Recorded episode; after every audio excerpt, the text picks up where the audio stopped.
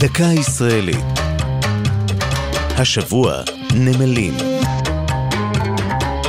והפעם קיסריה.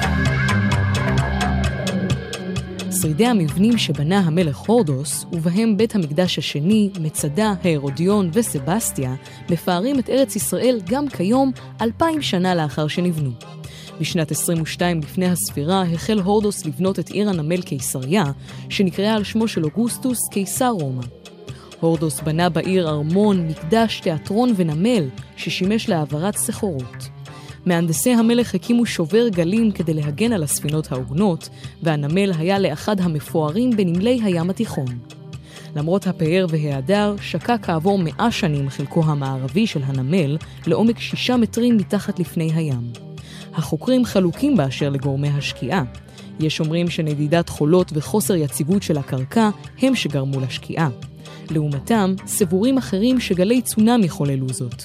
כך או כך, שקיעת נמל קיסריה הפכה אותו ליעד חשוב לארכיאולוגים, שמצאו בקרקעיתו מטבעות, פסלים ועוגנים, זכר לספינות שירדו למצולות. לפני כחמש שנים צוללים גילו במקום מצבור של 2,600 מטבעות זהב, בני אלף שנה, האוצר הגדול ביותר שנתגלה בארץ. זו הייתה דקה ישראלית על נמלים וקיסריה. כתב עידו ליפסקי, ייעוץ הדוקטור בברלי גודמן, ייעוץ לשוני הדוקטור אבשלום קור.